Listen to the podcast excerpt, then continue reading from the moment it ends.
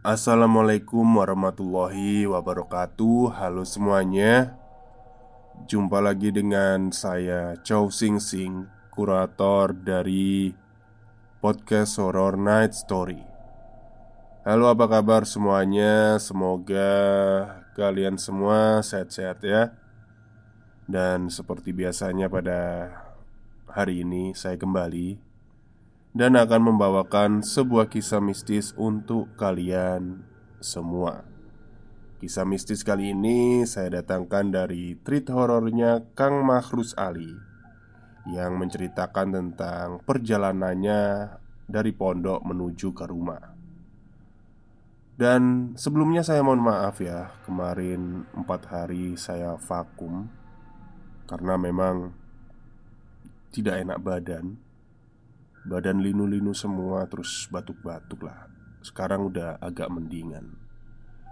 Oke daripada kita berlama-lama ya Mari kita simak ceritanya.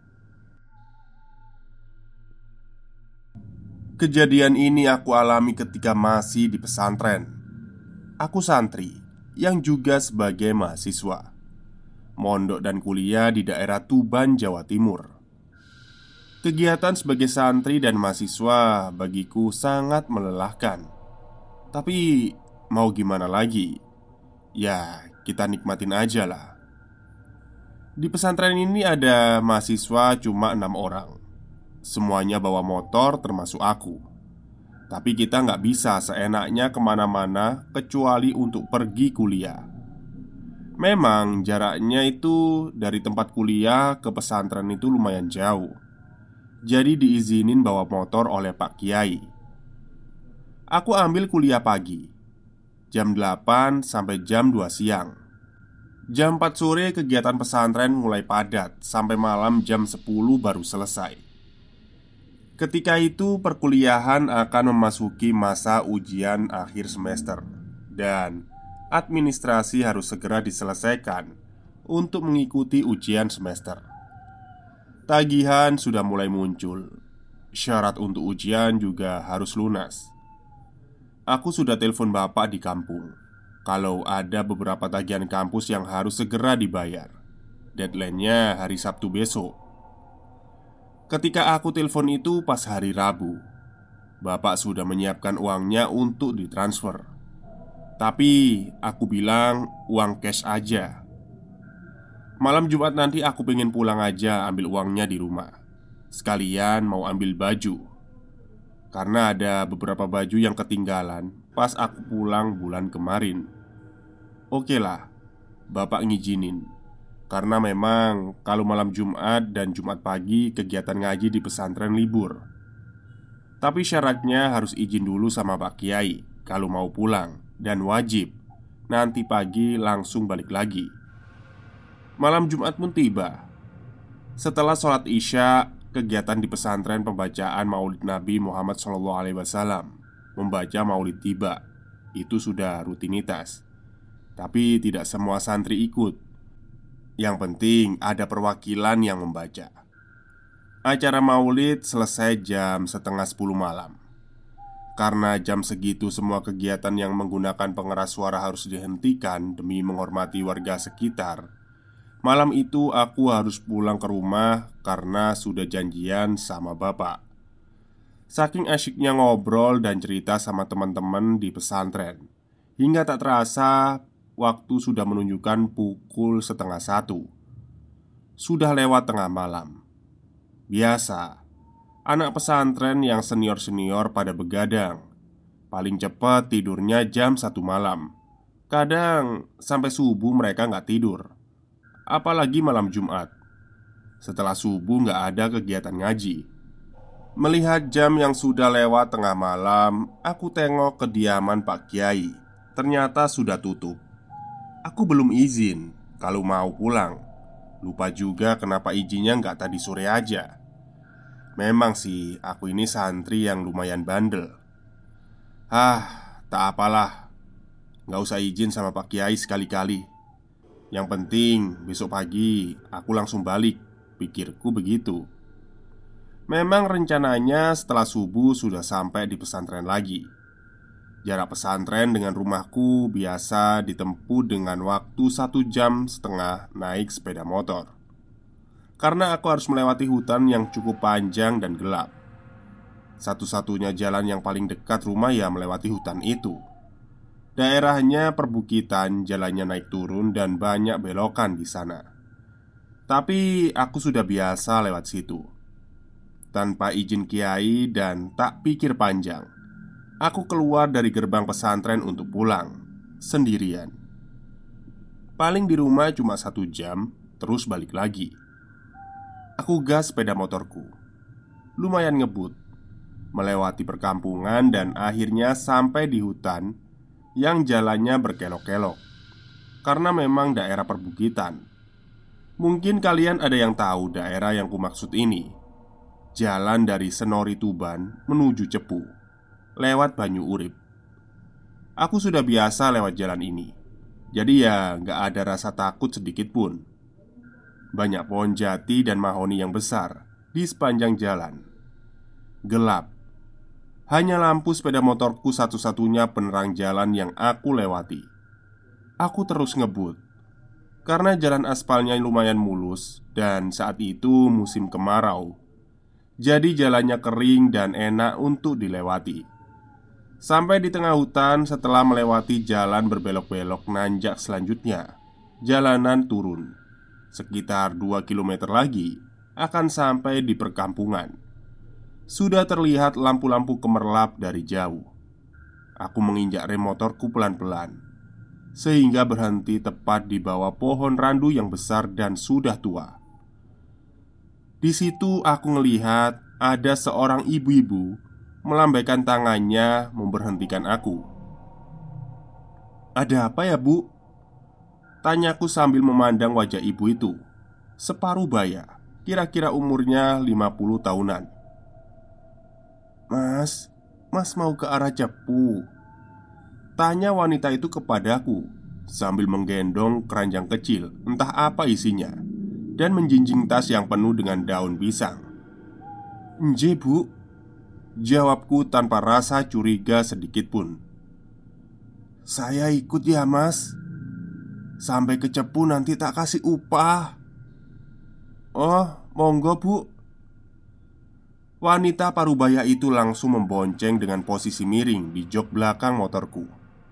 Memangku keranjangnya dan menitipkan tasnya kepadaku untuk ditaruh depan.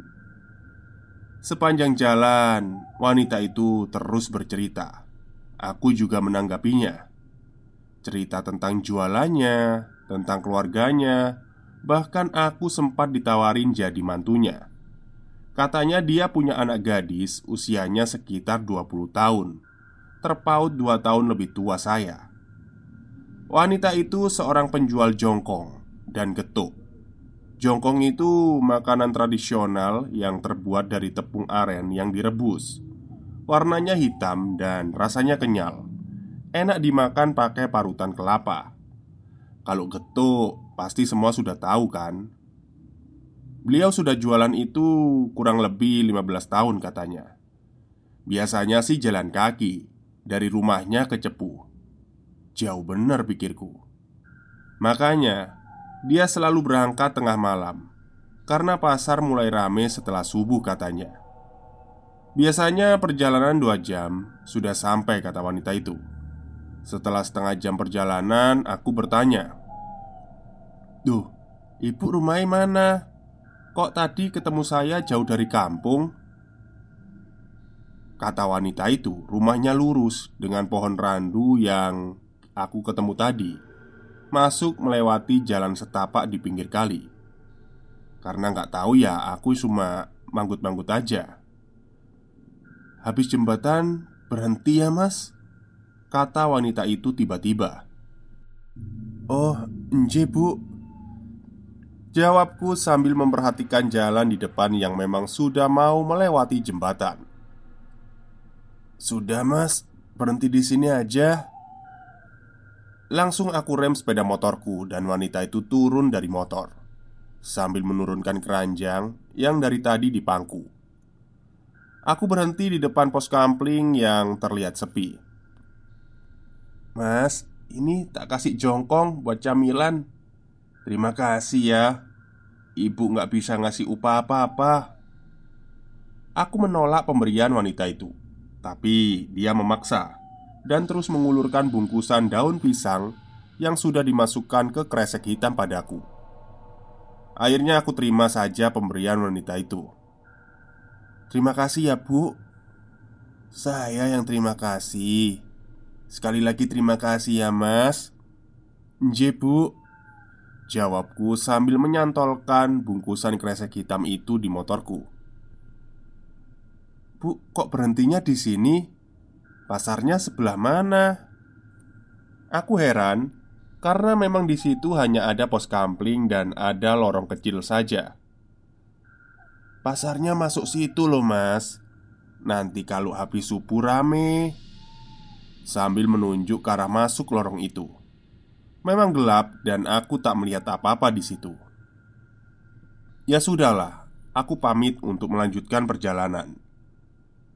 Hati-hati ya mas.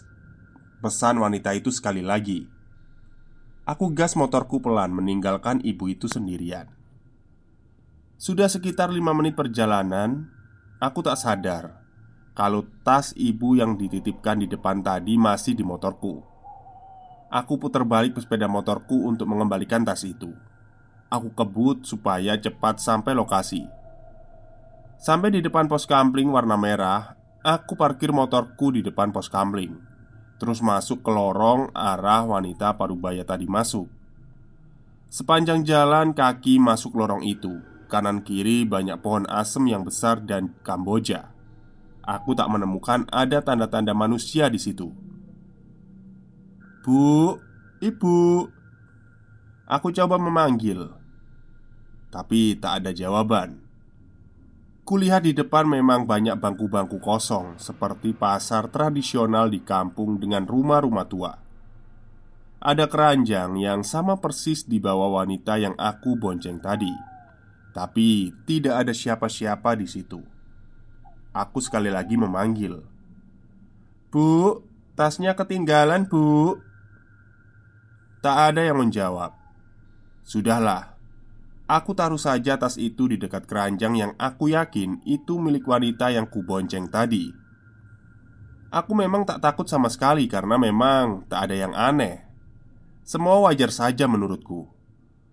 Yang aku heran ke mana ibu tadi Ya sudahlah Aku balik jalan untuk menuju motorku Ku tengok kanan kiri jalan menuju motor Aku melihat ada sebuah kendil kecil Yang bentuknya unik dan belum pernah aku lihat Karena penasaran aku coba mendekati benda itu Saat aku akan memegangnya, kakiku kesandung dan jatuh mengenai kendil itu. Kendil itu jatuh dari atas batu karena tanganku menyenggol pas jatuh. Betapa kagetnya aku saat berdiri. Ternyata kendil itu jatuh dari atas batu nisan. Aku nengok ke sekitarku.